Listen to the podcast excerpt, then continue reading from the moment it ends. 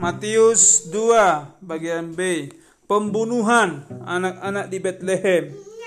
Ketika Herodes, tengok dengarkan, ketika Herodes tahu bahwa ia telah diberdayakan orang-orang Majus, ia sangat marah.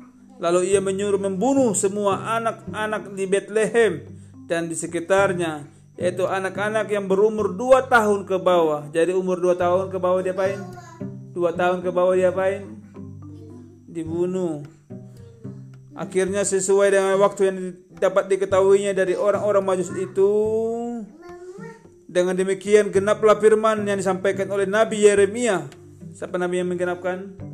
Nabi Yeremia menubuatkan. Terdengarlah suara di tangis dan ratap yang amat sedih. Rahel menangisi anak-anaknya dan ia tidak mau dihibur sebab mereka tidak ada lagi kembali dari Mesir.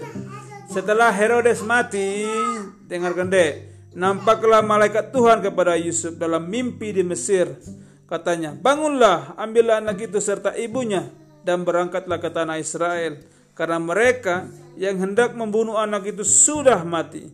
Lalu Yusuf pun bangunlah, diambilnya anak itu serta ibunya, dan pergi ke tanah Israel. Tapi setelah didengarnya bahwa Arkaelus menjadi raja di Yudea, menggantikan Herodes, ayahnya, ia takut ke sana karena dinasihati dalam mimpi. Pergilah ke Yusuf, pergilah Yusuf ke daerah, daerah Galilea.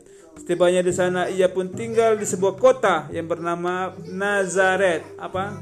Nazaret. Hal itu terjadi supaya genaplah firman yang disampaikan oleh nabi-nabi bahwa ia akan disebut orang Nazaret. Siapa disebut orang Nazaret? Jesus. Amen.